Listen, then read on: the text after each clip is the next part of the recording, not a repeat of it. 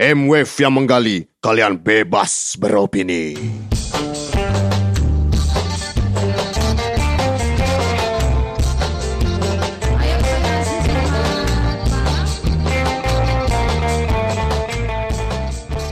Hai, kembali lagi bersama gua Raja Panggabean.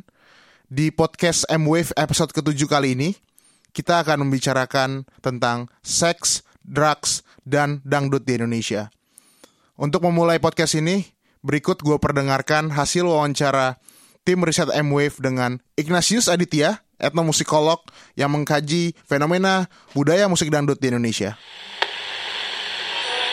sejak awal nggak sih si budaya miras atau drugs atau hedonisme itu eh, jadi satu dengan dangdut dit Kalau dari sejarahnya sih eh, nggak langsung ya, cuman kalau misalkan emang lu ngomong kemunculan dangdut pertama emang dia itu kan emang dari musik kelas bawah ya, dan emang deket banget sama permasalahan kayak gitu. Dan sampai sekarang pun dangdut bisa dibilang sebagai drugsnya itu sendiri. Jadi bukan bukan punya similarities atau punya keterkaitan sama drugs, tapi gue bilang gue bisa bilang bahwa dangdut itu sebenarnya drugs sendiri. Karena Eh, bahwa penelitian yang sebelumnya gue bilang juga eh pada pada bilang juga dangdut itu eh, bentuk dari eskapisme. Jadi kayak apa sih Eh, model eh, sebu- apa ya gaya hidup yang mencoba melupakan apa ya kayak permasalahan sehari-hari kali ya. Jadi akhirnya ya emang dari awal sih emang udah deket sama kayak gitu. Kayak misalkan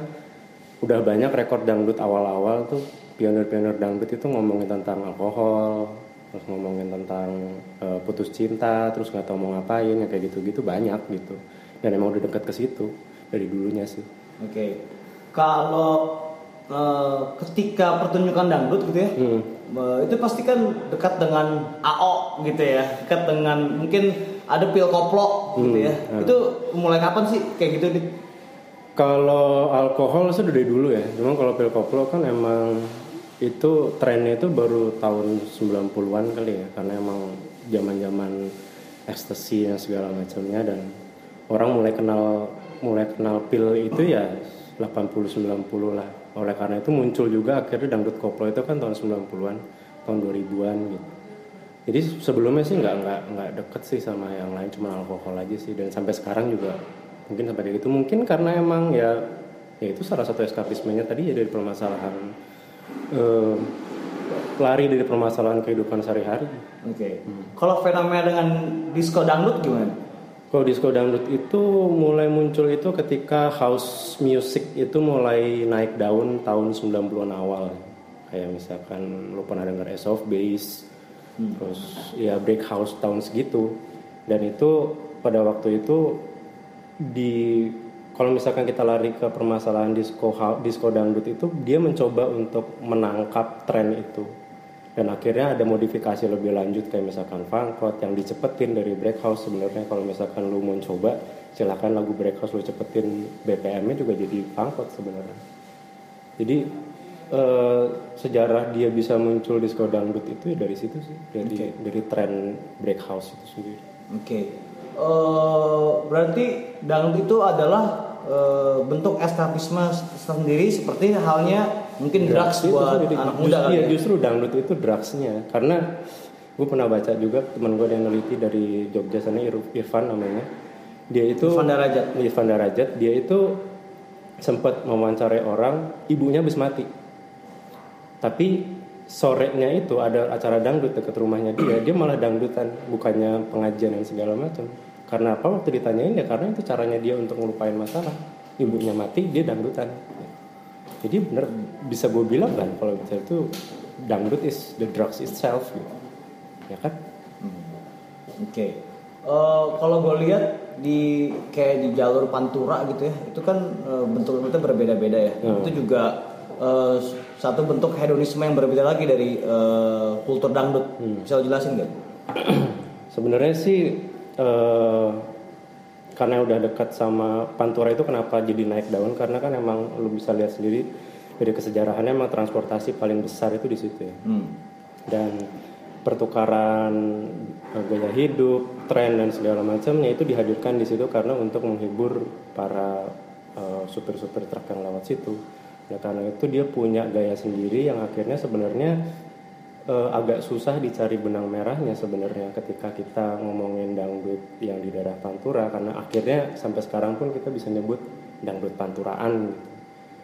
Karena emang dia mencoba untuk mem- mem- memunculkan gaya hidupnya sendiri, memunculkan bentuk dangdutnya sendiri. Jadi sampai sekarang kita mungkin bisa dengar tarling dan segala macamnya itu agak berbeda sih sama permasalahan. Dan kalau misalkan kita perhatikan lirik-liriknya juga lebih dekat sama kehidupan eh, orang-orang sana. Kita bakal bahkan bisa bisa mempelajari pola hidup, gaya apa namanya eh, permasalahan hidup di sekitar situ hanya dengan mendengarkan dangdut Mantura.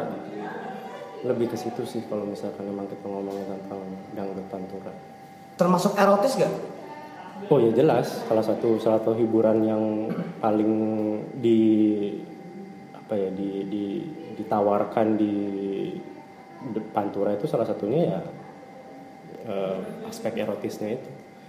Jadi yang sebelumnya mungkin kita bisa lihat rapi dan dan apa namanya ya. Kalau saya lihat mungkin em, bisa dibilang tren-tren dia gamblang terus vulgar segala macam itu muncul dari Pantura dulu sebenarnya karena sebelum-sebelumnya itu masih eh, belum bisa seberani itu ya dangdut tuh masih membawa eh, masih pakai kata-kata puitis dan belum belum sebegitu gamblang yang yang kayak dangdut Pantura kita dengerin sekarang Bisa nggak disamain kayak eh, ini antara hubungan dangdut dan drugs ya, yaitu yaitu dengan miras segala macam. Eh. Seperti musik eh, techno, Eh, orang datang ke sana untuk eh, eh, pakai narkoba. iya Eh, kalau dangdut bisa nggak dibilang seperti itu? Iya, bisa. Salah satu dangdut bagian eh, bentuk-bentuk ekspresi musikal dangdut sang bisa menjadi yang seperti saya bilang tadi the drugs itself sama juga bisa men- mendukung kegiatan eh, apa ya leisure yang berbentuk drugs dan segala macam sih bisa banget karena emang itu kebentuknya emang dari situ awal-awalnya. Kalau misalkan emang kita merunut dari yang tadi saya bilang eskapisme dan segala macam. Tadi lo semua baru aja mendengarkan hasil wawancara tim riset M-Wave dengan eh, Ignatius Aditya, salah satu akademisi atau disebutnya etnomusikolog eh, yang banyak meneliti soal dangdut. Dan baru-baru ini bersama tim Irama Nusantara baru eh, merilis sebuah riset tentang musik dangdut yang luar biasa komprehensif. Gue sangat merekomendasikan teman-teman untuk eh, baca hasil kajian itu. Tadi sangat menarik eh, apa yang dibicarakan oleh Adit bahwa dangdut itu adalah drugs itu sendiri. Dan eh, hasil wawancara itu memang merupakan salah satu rujukan untuk diskusi kita hari ini. Diskusi kita hari ini temanya ini sangat kontroversial nih. Judulnya Sex, Drugs, and Dangdut. Eh, dan kali ini gua akan berdiskusi dengan eh, salah satu peneliti di bidang media dan gender eh, bernama Patricia Kirnanita. Halo Tres, apa kabar? Halo, baik. Selamat datang di eh, studio M-Wave. Eh, Patricia ini salah satu eh, peneliti yang memang punya ketertarikan terkait gender dan media. Patricia ini merupakan eh, mahasiswa pasca sarjana studi kultural. Udah lulus Udah ya? nggak mahasiswa sih sekarang. Oh masih, udah Udah nggak ya? Udah lulus. Dan tesisnya sendiri pun juga membahas soal ekspresi seksual ya.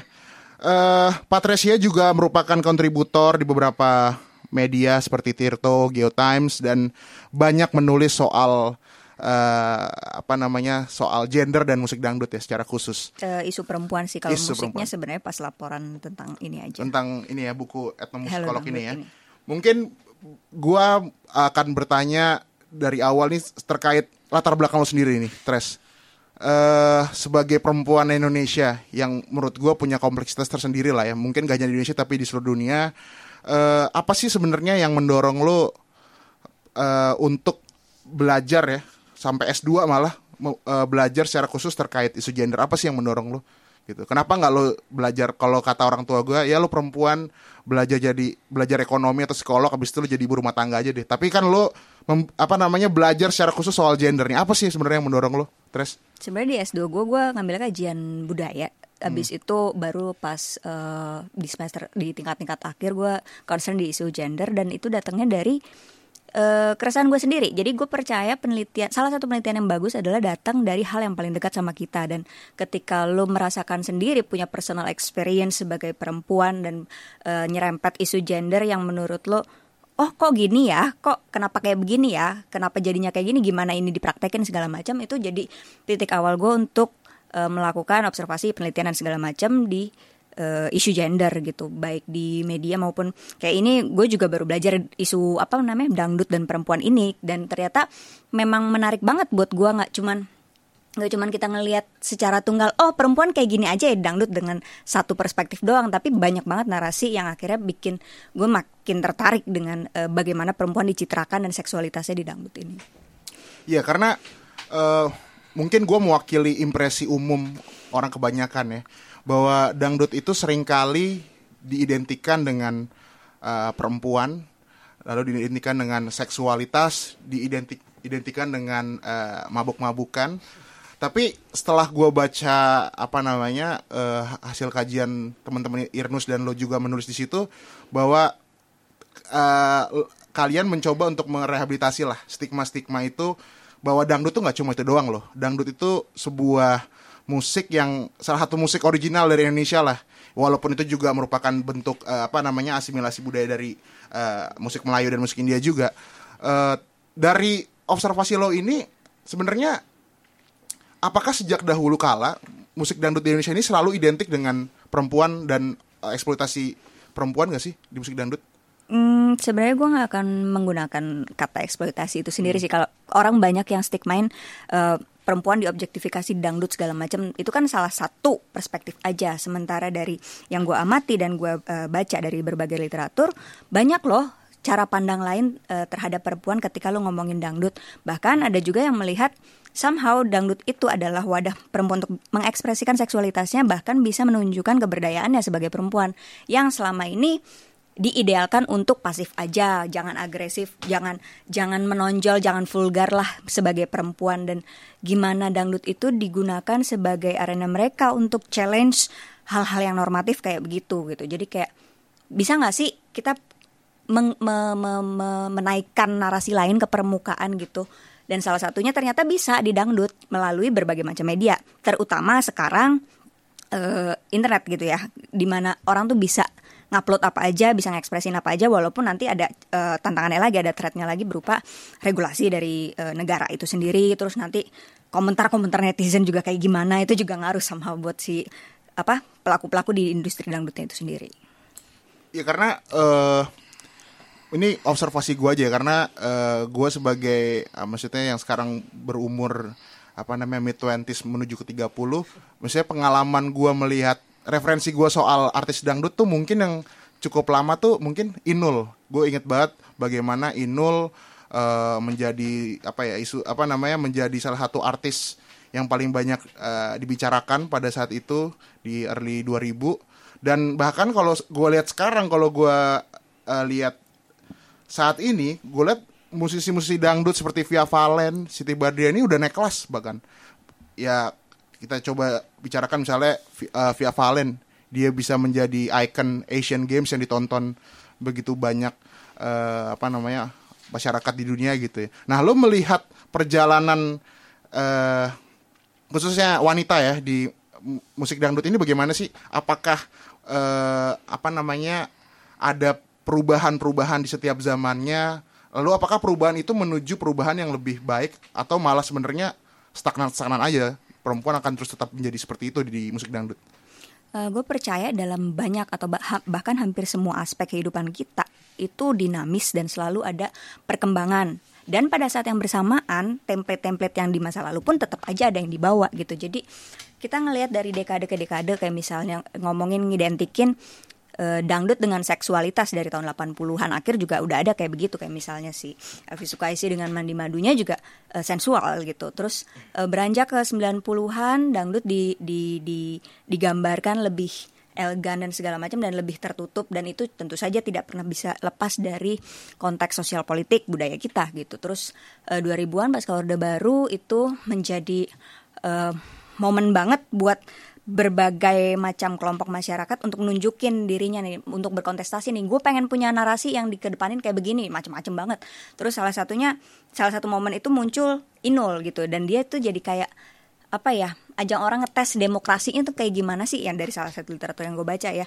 Bener nggak sih eh setelah pemerintah itu tumbang gue bisa eh, nunjukin power gue yang ngomong kayak gitu siapa? Misalnya ada orang dari kelompok perempuan terus ada juga dari kelompok konservatif agama terus ada juga yang kelompok ham dan segala macam. Semuanya tuh pengen bersuara pada saat pecah reformasi itu setelah pecah reformasi itu. Dan Inul jadi semacam arena untuk ngetes kayak kita beneran demokratis nggak sih nih? Gitu. Dan yang lebih menarik lagi bahwa eh, Inul tuh sebenarnya juga jadi ikon untuk mengkontes budaya patriarki di Indonesia juga pada saat itu ya. Jadi maksud gue eh, apa meski ya budaya patriarki itu kan tidak bisa dilepaskan lah dari sendi-sendi kehidupan kita khususnya di Indonesia gitu. Tapi saat itu Inul datang untuk mendobrak itu, betul nggak? Hmm, sebenarnya bukan dari Inul aja kayak misalnya lu mau ngomong budaya patriarki. Salah satunya adalah merepresi seksualitas perempuan. Tapi dari tahun-tahun eh, dekade-dekade sebelumnya itu sudah ada perempuan yang menunjukkan seksualitasnya. Kayak misalnya yang tadi gue bilang si Alfi itu sudah tampil sensual walaupun tidak se dalam tanda kutip yang menggegerkan kayak Inul gitu dan Inul sebenarnya perkara momen juga gitu dan eh, cara cara yang dia gunakan media yang dia gunakan gitu tapi sebenarnya eh, wacana perempuan pengen challenge normativitas itu sendiri sebenarnya udah ada cuman belum sebesar itu kekuatannya mungkin di dunia dangdut yang banyak banget kekangannya apalagi media waktu itu masih dikontrol pemerintah banget gitu. eh kalau kita ngomongin musik dangdut itu gak bisa dilepaskan dari liriknya lah pastinya. Karena lirik itu yang yang apa ya malah menjadi apa viral gitu kan di tengah-tengah masyarakat gitu. eh meski tadi gua kita berbicara soal Inul bagaimana Inul bisa menjadi salah satu ya girl power lah ya. Dia sebagai wanita bisa hidup eh, secara mapan gitu. Eh, bahkan malah suaminya sendiri yang lebih kayak di, di bawah dia gitu kan eh, berada di bayang belakang bayang-bayang dia tapi sebenarnya dari segi lirik kalau gue perhatikan lirik-lirik dangdut itu gak per, apa gak bisa dilepaskan dari budaya patriarki itu sendiri nggak kalau dari pandangan lo sekarang sih udah nggak gitu lagi gitu. Jadi banyak banget narasi alternatif yang muncul, terutama setelah eh, ini ya media lebih bebas gitu loh dari dari aturan-aturan pemerintah dan lebih bermacam-macam dibanding tahun 80 90-an gitu. Kita dengan gampangnya upload eh, video apa pun atau lagu apa pun, lirik apa pun gitu. Sehingga jangan kaget ketika kita masuk ke YouTube itu banyak banget lirik dangdut yang nyeleneh atau bahkan yang nggak nggak kebayang kayak eh Nasi Daria kan sebenarnya juga menggodok dangdut juga gitu ya. Itu dia bahkan bisa ngomongin tentang eh bom nuklir gitu yang dulu kepikiran nggak orang ngomongin bom nuklir gitu di dangdut gitu.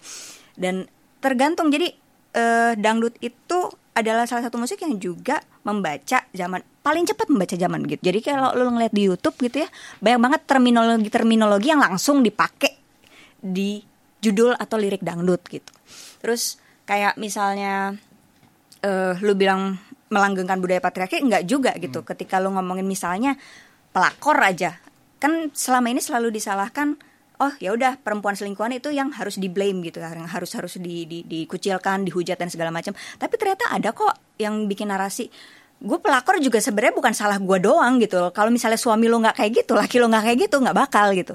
Jadi kayak memberikan ruang buat mereka untuk bersuara ngenyuarain dari angle yang berbeda dari mainstream gitu. Atau kayak misalnya janda gitu. Ada salah satu lirik eh, lagu dangdut yang janda juga manusia gitu. Dia pengen ngasih tahu kalau lu nggak mesti stigmain janda itu jelek mulu loh yang perebut laki orang terus abis itu aktif secara seksual. Janda juga manusia dan gue bisa eh, ngomongin apa hak asasi gue juga gitu. Kenapa sih gue nggak pernah didengerin gitu? Atau kayak misalnya selain janda juga manusia gue juga nemuin di di di YouTube itu dia ngomongin tentang waria gitu. Gimana represifnya sih orang sama transgender atau secara lebih luas lagi LGBTIQ dan segala macam. Tapi ternyata itu bisa loh punya apa punya celah punya channel gitu di dangdut dan itu ada argumentasinya sendiri kayak eh Oke, di real life sering banget itu dikucilkan gitu kelompok-kelompok kayak waria atau transgender dan segala macam. Tapi as entertainer ternyata yang gue baca mereka lebih diterima gitu. Dan itu kan masih sering kita lihat tahun 90-an banyak banget gitu. Kayak misalnya Dorce aja juga masih bisa bebas. Sementara sekarang kalau KPI kan udah ngebatasin ya. Kalau waria dan transgender itu nggak boleh perform di televisi gitu. Sehingga media alternatif itu sangat berpengaruh gitu. Maksud saya punya peran gede banget bagi narasi-narasi alternatif di dunia dangdut gitu. Jadi eh, apa namanya stigma-stigma tersebut dengan adanya media-media alternatif saat, ini ternyata melahirkan banyak-banyak itulah ya apa eh, berhasil mengscouting lah eh, artis-artis dangdut yang ternyata juga punya isu-isu yang lebih dari sekedar soal eh, apa namanya perempuan sebagai apa ya objektifikasi ya dari dari segi gender gitu. Nah kalau dari segi citra sendiri eh, yang gua lihat di eh, media saat ini katakanlah media mainstream lah di TV di YouTube dan lain-lain citra penyanyi dangdut itu selalu diidentikan dengan cewek yang putih, rambut panjang, dengan makeup yang tebal, body yang bahenol gitu ya. Eh, dan ini gue lihat tren ini tidak pernah berubah. Bahkan kalau kita lihat sekarang icon dangdut yang paling terkenal saat ini siapa sih paling populer? Mungkin Via Valen, Siti Badriah gitu. Masih masih berada di dalam citra tersebut gitu dari dari sudut pandang uh, lo sebagai uh, peneliti, lo melihat fenomena ini bagaimana sih? Apakah ini su- sebuah isu yang hitam putih? Apakah maksudnya bisa dibenarkan atau disalahkan atau bagaimana lo melihatnya, Tres? Kalau gue sendiri ngamatin, gue selalu percaya selalu ada alternatif eh, image yang disediakan oleh media gitu. Dan ketika lo punya pendapat kayak gitu, sebenarnya yang lo dapatkan adalah paparan media mainstream gitu. Karena itu kan ada kepentingan media juga, ada ada masalah kepentingan media di situ. Gimana dia provide apa represent dan construct eh, kemauan eh, selera masyarakat itu sendiri gitu. Tapi sebenarnya banyak banget alternatif-alternatif kayak misalnya body shape aja itu udah banyak banget ada yang kurus, ada yang gemuk, terus ada yang rambut pendek, rambut panjang dan baju pun juga nggak mesti yang kebuka terus, ada yang tertutup. Bahkan di tahun 90-an banyak kan yang ketutup gitu kalau lihat di TV-TV. Terus eh, apa namanya?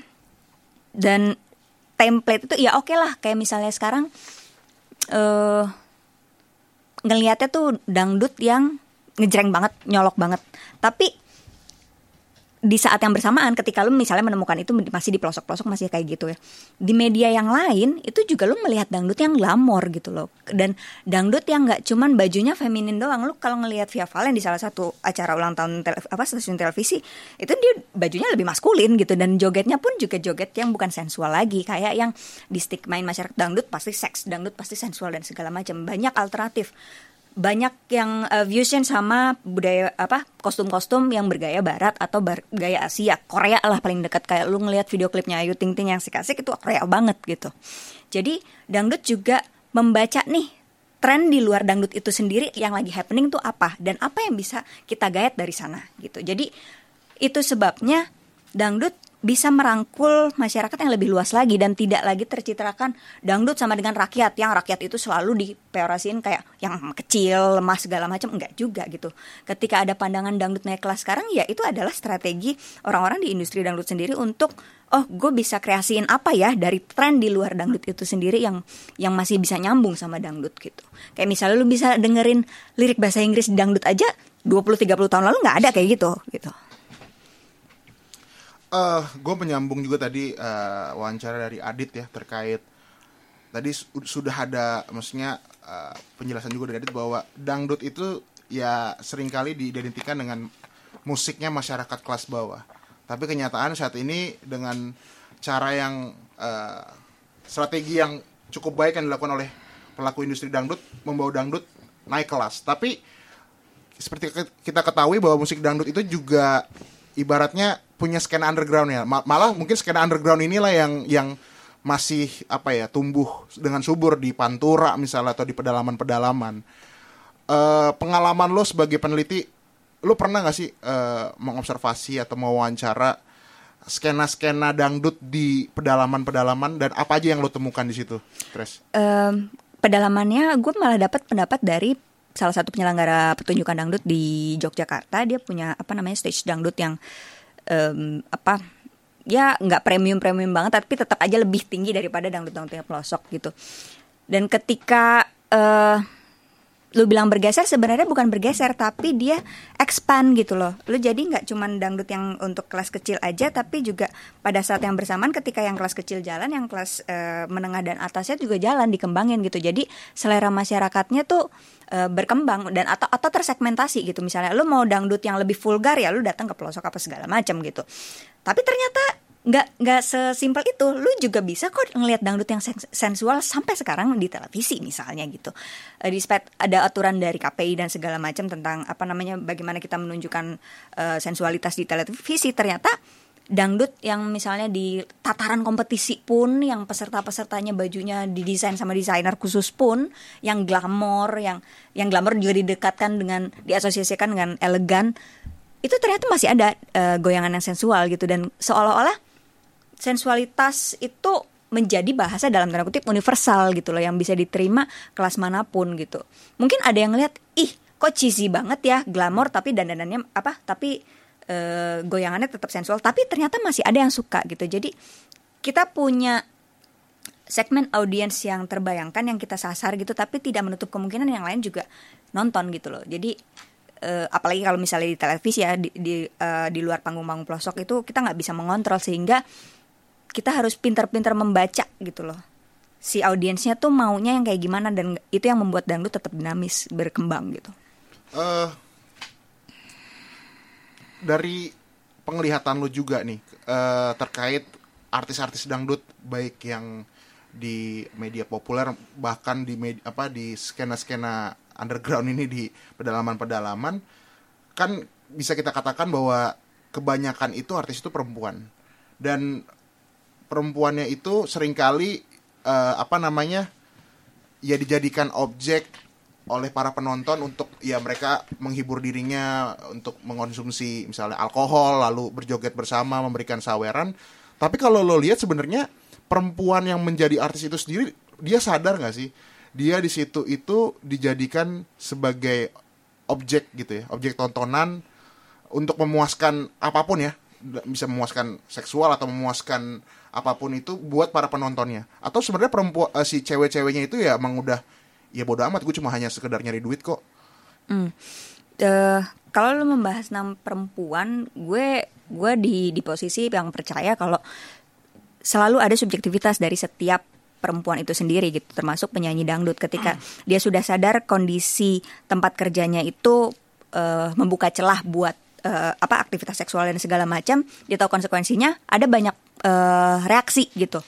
Kayak misalnya ada yang oke lah ini risiko pekerjaan dan gue di sini tetap nyari duit gitu. Jadi eh, gue terima aja risikonya kayak begitu. Tapi ada juga kayak misalnya gini deh kayak perempuan itu di perempuan di dangdut itu diidentikan dengan aktivitas seksual. Ada yang lawan kok kayak misalnya lu beberapa waktu lalu juga dengar kasusnya Via Valen yang dia viralin tuh ada yang ngajakin dia tidur. Jadi kayak dia pengen menunjukkan nggak serta merta loh penyanyi perempuan apalagi yang di dangdut itu yang suka diidentikin sama seks itu dibilang jadi cewek gampang dan mau diajak tidur gitu. Jadi ada narasi-narasi kayak gitu. Terus di YouTube juga gue pernah ngeliat di panggung-panggung kecil yang yang yang maksudnya seksualitas si penontonnya itu lebih nggak kekontrol ada loh penyanyi yang malah ngegampar si penontonnya itu sendiri atau ngedorong penonton itu sendiri. Jadi kayak dia masih punya agensi oke gue kerja di sini tapi bukan berarti gue 100% murahan 100% gampangan lo ajak tidur gitu. Gue tetap punya badan gue sendiri gitu. Ada yang kayak gitu. Ada juga yang ya udah pasrah aja dan segala macam. Jadi nggak nggak bisa ngelihat eh tunggal dan ngelihat oh gue diobjektifikasi aja nih gitu. Ada yang merasa dengan dia goyang dan segala macam itu adalah ekspresi seksualnya dia dan merasa itu bagian dari powernya dia.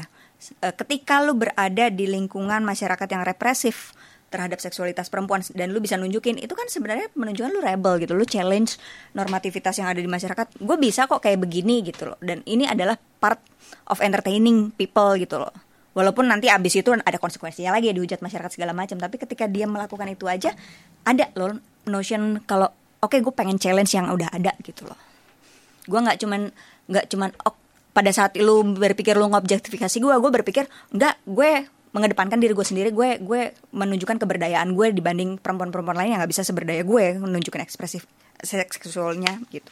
tadi terkait gue menyambung sih eh, itu juga menjadi concern gue juga gue melihat bahwa sering kali ketika seorang perempuan artis dangdut perempuan eh, sedang tampil di depan kalayak ramai khususnya ya pasti laki-laki lah kebanyakan yang menonton itu sering kali dianggap itu sebagai bentuk objektifikasi wanita tersebut. Tapi sebenarnya kalau dari perspektif kalau kita putar dari perspektif si penyanyi itu sendiri itu malah sebenarnya dia sedang practice her power gitu. Mungkin aja kan kayak gitu.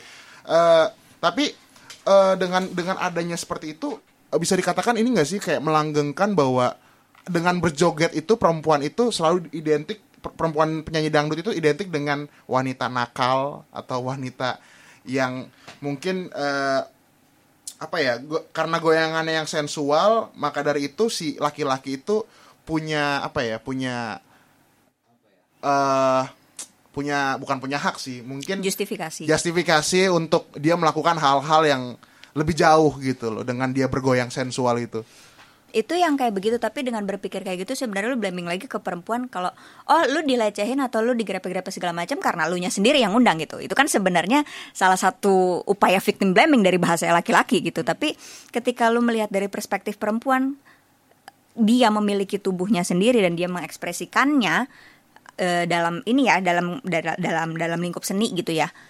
Terlepas dari lu apa pro kontra apakah itu seni atau enggak gitu ya.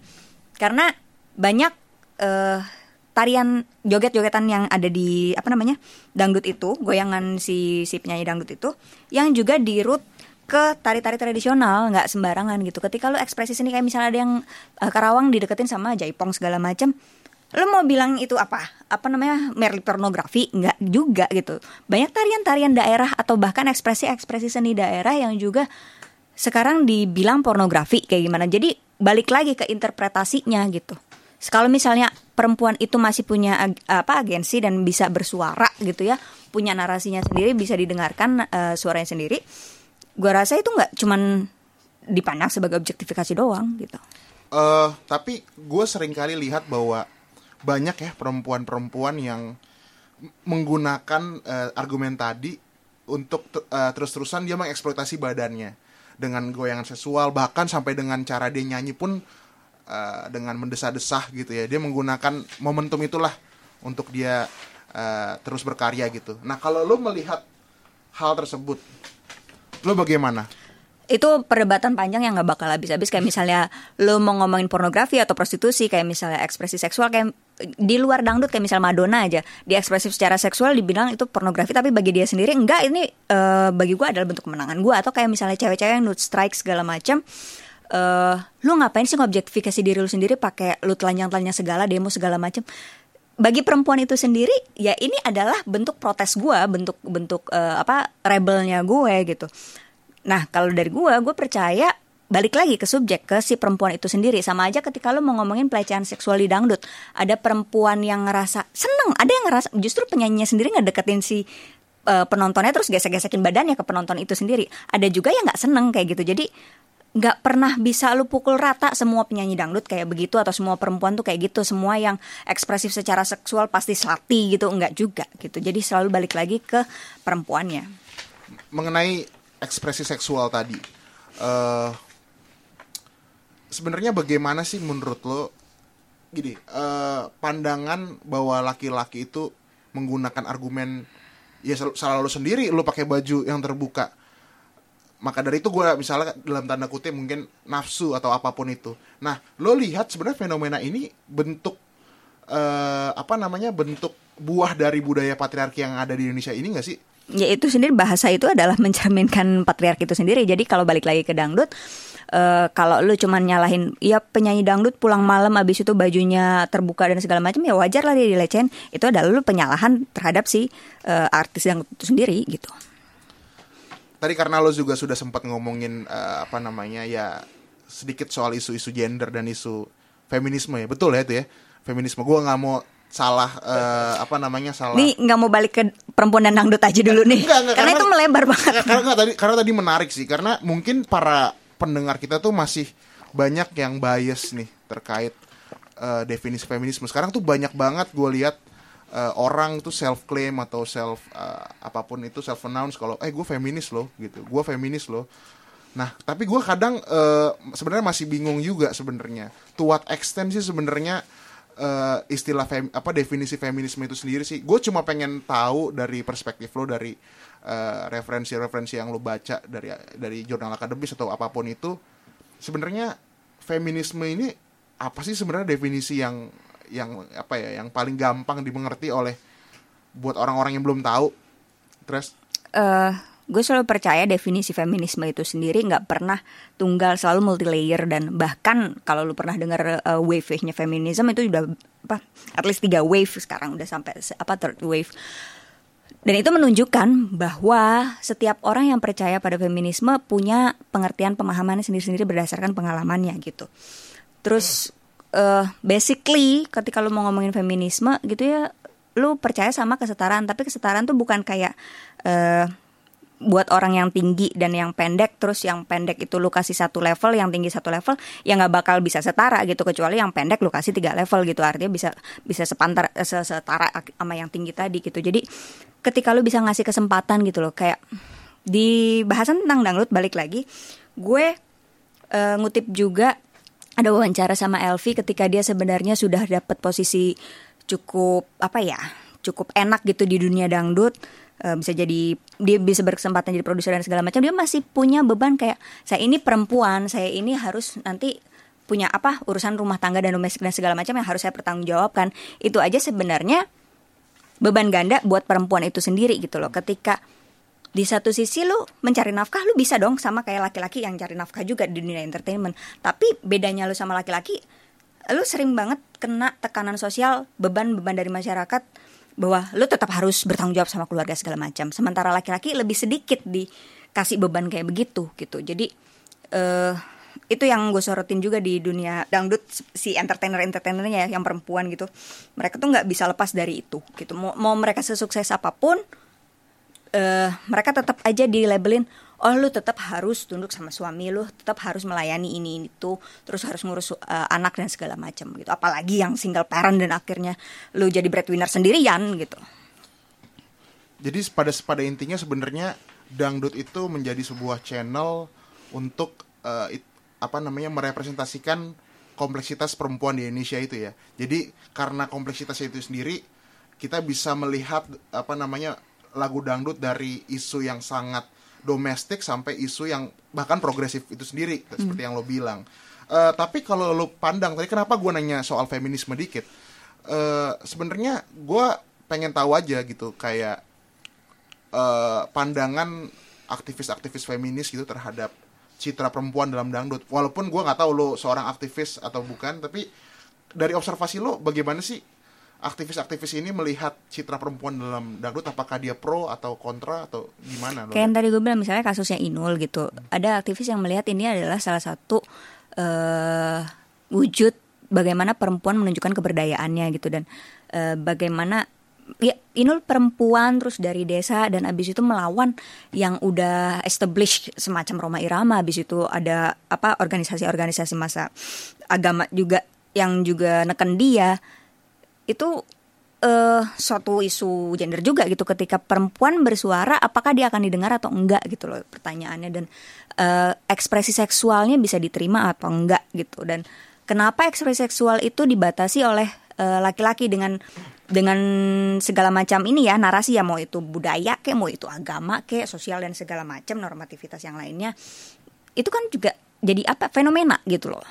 Kita ngelihat itu fe- fenomena yang berhubungan sama isu gender itu sendiri Jadi memang melihat eh, apa namanya citra perempuan dalam dangdut ini sebuah isu yang sangat kompleks ya. ya Kita kayak nggak misalnya kita tuh sering banget denger eh, keperawanan itu diagung-agungkan, dimuliakan segala macam. Ya sekarang lu lihat aja dengan gampang orang ngomongin tentang keperawanan di musik dangdut.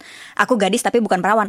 Orang ngaku gitu loh sekarang gitu di dangdut dan itu gue nggak melihat itu sebagai sesuatu yang salah atau benar, tapi gue melihat sebagai eh, sebagai apa ya fenomena budaya di mana orang sekarang lebih ekspresif eh, ngomongin seksualitasnya. Salah satunya di dangdut. Jadi tanpa kita sadari dangdut itu jadi jadi eh, apa namanya tools yang efektif juga ya buat eh, para artis-artis ini menyuarakan isu-isu progresif itu sendiri gitu kan ya berarti? Ya em, sebenarnya menyuarakan apa ya realitas pada pada intinya tapi juga men-challenge yang udah mapan gitu loh. Oke eh, cukup dulu kita ngomongin soal eh, apa namanya citra perempuan dalam dangdut. Gue pengen bergeser dikit terkait kultur goyang dan kultur eh, apa pun itu tari atau joget. Nah kalau lo lihat sendiri sebenarnya kultur tari go- eh, goyang dan joget di musik dangdut ini bagaimana sih munculnya?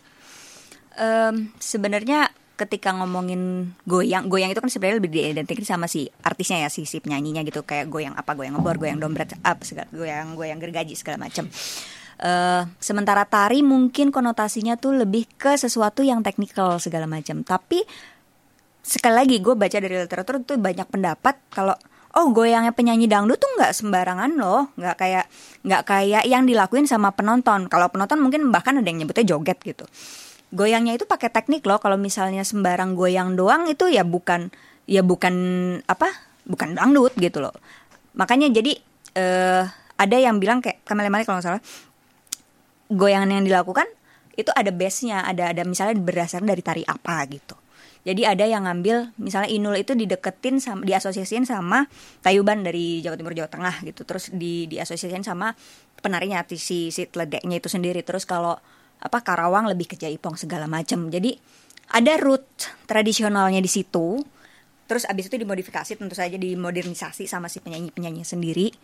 Dan apa namanya kalau ngomongin goyang itu sendiri memang identik dengan dangdut. Bahkan si Inulnya juga ngomong kan di, di lagunya kalau dangdut tanpa goyang bagai sayur, sayur tanpa garam gitu.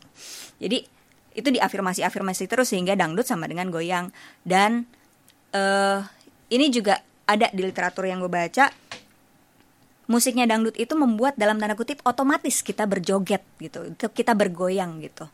Dari rama dangdutnya itu sendiri dari kendangnya gitu dan apalagi dengan eh, karakteristik ya orang-orang Indonesia yang mungkin lebih kolektif gitu ya dan suka pesta gitu kayak misalnya gue sangat sangat perhatikan kayak gue pribadi gue orang Batak ketika gue ngumpul itu nggak bisa dilepaskan tuh dari musik dan ketika ada satu yang goyang semua goyang. Jadi eh Iya, ini menjadi budaya apa namanya sangat apa sangat dekat juga dengan budaya tradisional kita gitu ya dengan tarian-tarian itu sendiri. Oke, eh dari literatur-literatur yang gue baca, gue ada salah satu quote yang menarik nih dari Andrew Winthrop ya. Ini salah satu akademisi dari Amerika yang sangat concern terhadap dangdut. Dia menulis buku yang berjudul Dangdut, Musik, Identitas dan Budaya Indonesia. Di salah satu eh, bagian dari buku tersebut dia bilang bahwa tarian atau goyang dangdut bertujuan untuk membawa mereka ke dalam sebuah keadaan di mana mereka tidak mengindahkan keadaan sekitar, terbebas dari kesadaran diri dan kekangan. Eh, bagaimana pandangan lo, Tres, terkait eh, tarian dan goyangan dangdut ini yang membawa eh, apa namanya penonton ini ke dunia yang lain gitu?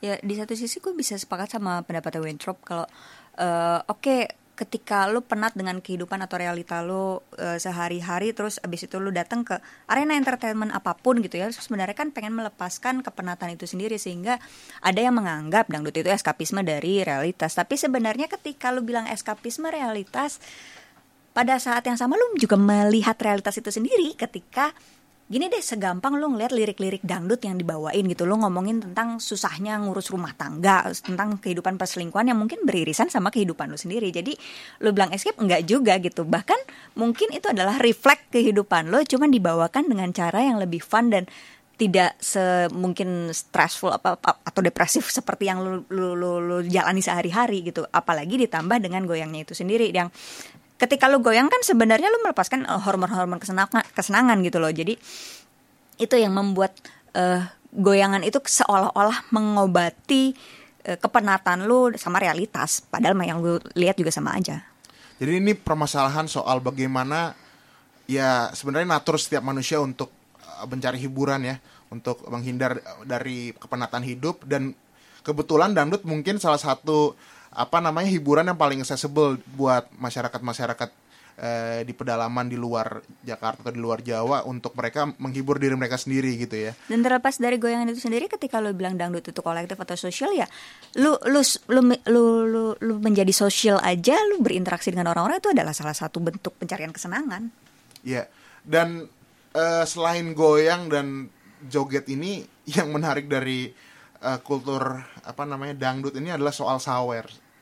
Eh, Sebenarnya aksi sawer ini nih budaya asli dangdut atau memang ini budaya yang muncul eh, apa namanya dari apa asimilasi budaya-budaya lokal yang ada sih terus dari observasi lo? Eh, kalau yang gue baca itu nggak cuman dari nggak muncul pas dangdut doang gitu kalau misal diurut-urut di dekade-dekade sebelumnya pun juga sebenarnya udah ada gitu tradisi nyawer yang eh, misalnya deket di apa namanya eh, Jawa Barat atau misalnya di di Jawa Timur pun juga ada gitu. Dan itu baik ke penampil perempuan maupun yang waria pun juga ada gitu. Misalnya di Ludruk pun juga sebenarnya ada aksi nyawar kayak begitu. Cuman eh, seiring dengan perkembangan dan masuknya musik dangdut ada yang diterusin. Kayak misalnya yang di Karawang itu tadi ada bajidor bajidornya udah nggak ada tapi goyang eh, Karawang itu masih ada gitu dan masih ada praktik nyawer. Ada yang praktik nyawernya itu langsung bahkan eh, langsung masukin ke apa kemben si penyanyinya. Ada juga yang ternyata indirect jadi kayak misalnya setelah penyanyi itu nampil baru dikasih tambahan uang kayak tips gitu. Jadi sawer itu nggak selalu bentuknya langsung masukin ke bajunya si penyanyi gitu itu jadi ada root tradisionalnya. Terus abis itu kalau ngelihat praktik nyawernya sendiri apakah ujuk-ujuk itu seksual mulu? Nggak juga gitu. Bisa juga dilihat sebagai bentuk apresiasi ke yang bikin hajat. Jadi kalau penonton pengen ngapresiasi oh lu udah bikin hajatan dan bikin ngasih pertunjukan yang menarik gue kasih sawer gitu. Kayak kayak tip kita ngasih tips aja gitu. Jadi eh, nggak melulu itu kayak pemuasan atau bentuk apa ya perwujudan superioritasnya si cowok ke penyanyi cewek gitu. Ada juga bahkan yang melihat ketika apa ngomongin tentang nyawa itu sendiri ya. Itu somehow si perempuannya loh tetap yang lebih superior dibanding laki-laki karena gue berhasil membuat lo eh apa terpikat Menyerah- sama gue gitu. Sampai lo akhirnya menyerahkan uang sama gue gitu. Jadi kayak macam-macam angle dalam ngelihat nyawer itu sendiri sih. Bahkan kadang perempuan itu sendiri juga ikut nyawer gitu kan Iya terhadap iya. penyanyi Jadi itu. yang gue temuin menarik juga dari jurnal yang gue baca, ternyata nggak cuman laki-laki ke perempuan aja yang nyawer, perempuan ke perempuan pun juga nyawer. Dan itu gue gue temukan sendiri di salah satu apa festival di dekat rumah gue di Jagakarsa. Itu ada salah satu pertunjukan dangdut dan ibu-ibu yang nyawer si penyanyi perempuan ini gitu dan nggak ya sama sekali nggak ada intensi seksualnya gitu. Dan selain itu nggak cuman penyanyi-penyanyi berbaju seksi saja yang disawer, tapi mereka yang berjilbab pun juga ikut dalam tradisi nyawer itu gitu. Jadi eh menarik tadi yang lo lo sampaikan bahwa sebenarnya budaya sa- sawer ini adalah budaya apresiasi ya terhadap baik si artis dan bahkan eh, si pemilik acara sebagai apresiasi terhadap acara yang telah diberikan gitu ya. Dan yang paling penting adalah sawer tuh nggak melulu soal intensi seksual dari si pemberi terhadap si penerima. Tapi yang apa namanya ya impresi umum mungkin orang kebanyakan melihat bahwa eh, itu tidak bisa dilepaskan dari intensi seksual dan mungkin dari observasi lo terus lo pernah nggak sih menemukan adanya apa ya eh, eh, bisnis prostitusi di skena dangdut itu sendiri Yang pernah gue baca juga ada kayak gitu. Maksudnya menemukan langsung nggak, tapi dari literatur yang gue baca ada kayak gitu. Makanya ada yang identikin kayak misalnya di jalur pantura dan segala macam. Tapi eh itu juga tidak menjadi hal yang patut kita generalisasi gitu loh. Karena eh, kalau misalnya gue bilang ada terus abis itu dibilang oh dangdut identik sama prostitusi, ya nggak juga gitu. Jadi ada ada iya tapi tidak menjustifikasi kalau dangdut pasti berhubungan sama prostitusi. selain isu seksualitas dalam dangdut yang gue perhatikan bahwa nilai-nilai religius dalam musik dangdut itu juga sangat kental gitu dan ini merupakan apa ya kekayaan musik dangdut itu sendiri gitu loh dia kalau kita lihat secara spektrum dari isu yang paling eh, apa namanya paling religius sampai isu yang paling eh, apa namanya seksual apa ya erotisme itu juga dibicarakan dalam dangdut nah kalau dari observasi lo terkait musik dangdut yang religius. Ini bagaimana sih perkembangannya di Indonesia saat ini? Lo lihat? Sebenarnya kalau eh, dilihat-lihat gitu ya, kan ada yang nyebutin kalau dangdut itu juga ada pengaruh dari musik-musik timur tengahnya ada gambusnya segala macam. Jadi kayak misalnya dari dari segi aransemen, dari segi musiknya aja udah ada kedekatan itu itu dari dari sisi musikalitasnya ya. Tapi eh, untuk kontennya sendiri itu tidak lepas dari karakter masyarakat Indonesia gitu yang juga didominasi sama eh, muslim sehingga tidak mengherankan jika musik eh, dangdut menjadi suatu medium untuk berdakwah pada perkembangannya dan itu yang paling menonjolkan dari zamannya Roma Irama. Terus walaupun pada saat yang bersamaan ada loh grup-grup musik kayak misalnya Nasi Daria juga apa namanya uh, involve dangdut dalam musikal uh, musikalitas mereka gitu. Terus mereka juga uh, apa masukin nilai-nilai yang sesuai sama ajaran agama yang mereka percaya gitu. Dan nggak cuman dari lirik lagunya karena lirik lagunya banyak kan dibikin sama kiai dari Jawa Tengah juga dari Semarang juga. Eh, tapi juga dari bagaimana mereka perform penampilan mereka kita lihat sendiri gitu dengan baju yang tertutup dengan apa kerudung. Terus eh menariknya tuh ketika ngomongin dangdut yang berhubungan sama atribut agama gitu ya. Nggak cuman tunggal nggak cuman modelnya kayak nasi daria aja semua musiknya gitu kayak kesidah segala macam tapi kalau lu amatin sekarang bahkan ratu kendang pun si mutik nida itu juga beratribut eh, apa kerudungan gitu. Dan eh, bisa loh kita mencitrakan perempuan dalam dangdut itu nggak cuman sensual doang tapi juga bisa bernafaskan religi lagu-lagunya. Terus habis itu apa namanya ya, genrenya juga koplo gitu yang koplo juga suka didantikin sama ah perempuan yang sensual apa segala macam. Enggak juga gitu. Jadi pada intinya memang eh, dangdut ini sangat merepresentasikan ya apa namanya membaca kalau bahasa membaca zaman dengan sangat cepat gitu ya. Sehingga apa namanya eh, dari segi konten tuh musik dangdut sebenarnya banyak sekali dan nggak cuma melulu soal stigma. Tapi gue lihat nih memang media-media ini s- hanya memberikan ruang nggak bisa dipungkiri ya hanya memberikan ruang terhadap artis-artis dangdut yang ya memang yang sangat dekat dengan stigma-stigma tersebut gitu. eh kalau lo lihat sendiri dari industri dangdut, dari label, dari manajemen, dari eh, apa namanya tim produksi mereka, mereka tuh aware nggak sih soal isu-isu gender ini gitu? Atau mereka emang cuma hanya melakukan ini ya tanpa memikirkan itu? Gue nggak mendalami soal industrinya tapi eh, let's say dari medianya gitu ya kayak bagaimana TV membawakan pertunjukan dangdut di di setiap stasiun mereka gitu. Itu pun juga berubah gitu karena eh di tulisan di bukunya Weintraub juga disebutin kayak misalnya net waktu itu.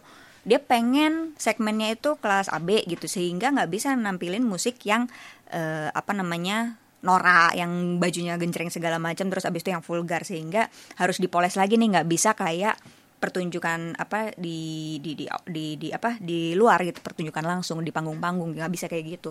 Tapi seiring dengan perkembangan zaman sekarang lu lihat juga banyak kok penyanyi dangdut yang diundang di TV show lain yang lebih sensual gerakannya. Terus berkembang lagi ke sini sininya regulasi dari KPI lebih ketat lagi. Nggak boleh lu sembarangan ngasih lihat uh, anggota tubuh lu. Bahkan lu ngeliatin belahan dada aja disensor gitu sekarang kan. Apalagi lo kalau misalnya do- apa goyang yang wah gitu di depan TV tapi tetap aja jadi kayak dinamika itu selalu diisi sama sama eh, apa kontestasi dari setiap kekuatan medianya sama pemerintahnya kayak gimana terus kepentingan si artisnya itu kayak gimana. Ketika dulu kita bisa ngelihat Inul ngebor di TV oh itu udah udah suatu yang wah bisa ya. Sementara sekarang boro-boro gitu bisa ngelihat yang sevulgar itu lagi gitu. Bahkan mungkin nggak cuma di TV di di di pelosok-pelosok pun dari pihak penyelenggara pun banyak yang ngeband juga. Kayak misalnya awal-awal Inul di band itu eh, dia sempat di cancel juga. Kayak misalnya pertunjukan yang di Malaysia karena takut merusak moral dan segala macam. Terus habis itu ada daerah-daerah yang melarang dia untuk tampil sama sekali atau bahkan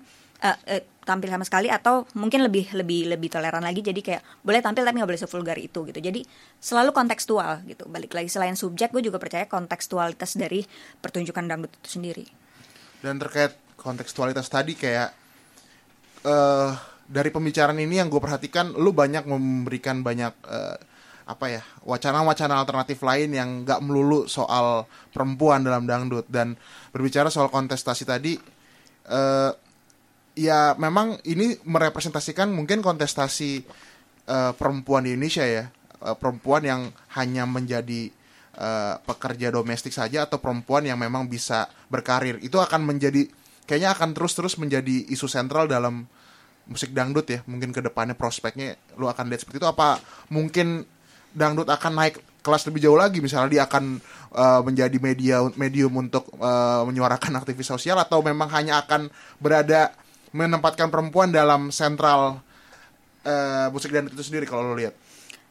Di satu sisi gue melihat memang benar ada kontestasi gitu narasi-narasi gitu ya. Kayak misalnya kita ngomongin tentang isu eh, perempuan berdaya aja. Kayak misalnya dari dulu tuh selalu dibilang perempuan tuh eh, kodratnya tuh di rumah gitu domestik dan segala macam. Bahkan di emansipasi wanitanya Roma Irama pun juga tetap dikritik kan emang takdirnya tuh harusnya nggak nggak mesti tinggi tinggi amat gitu kalau lo kerja dan segala macam.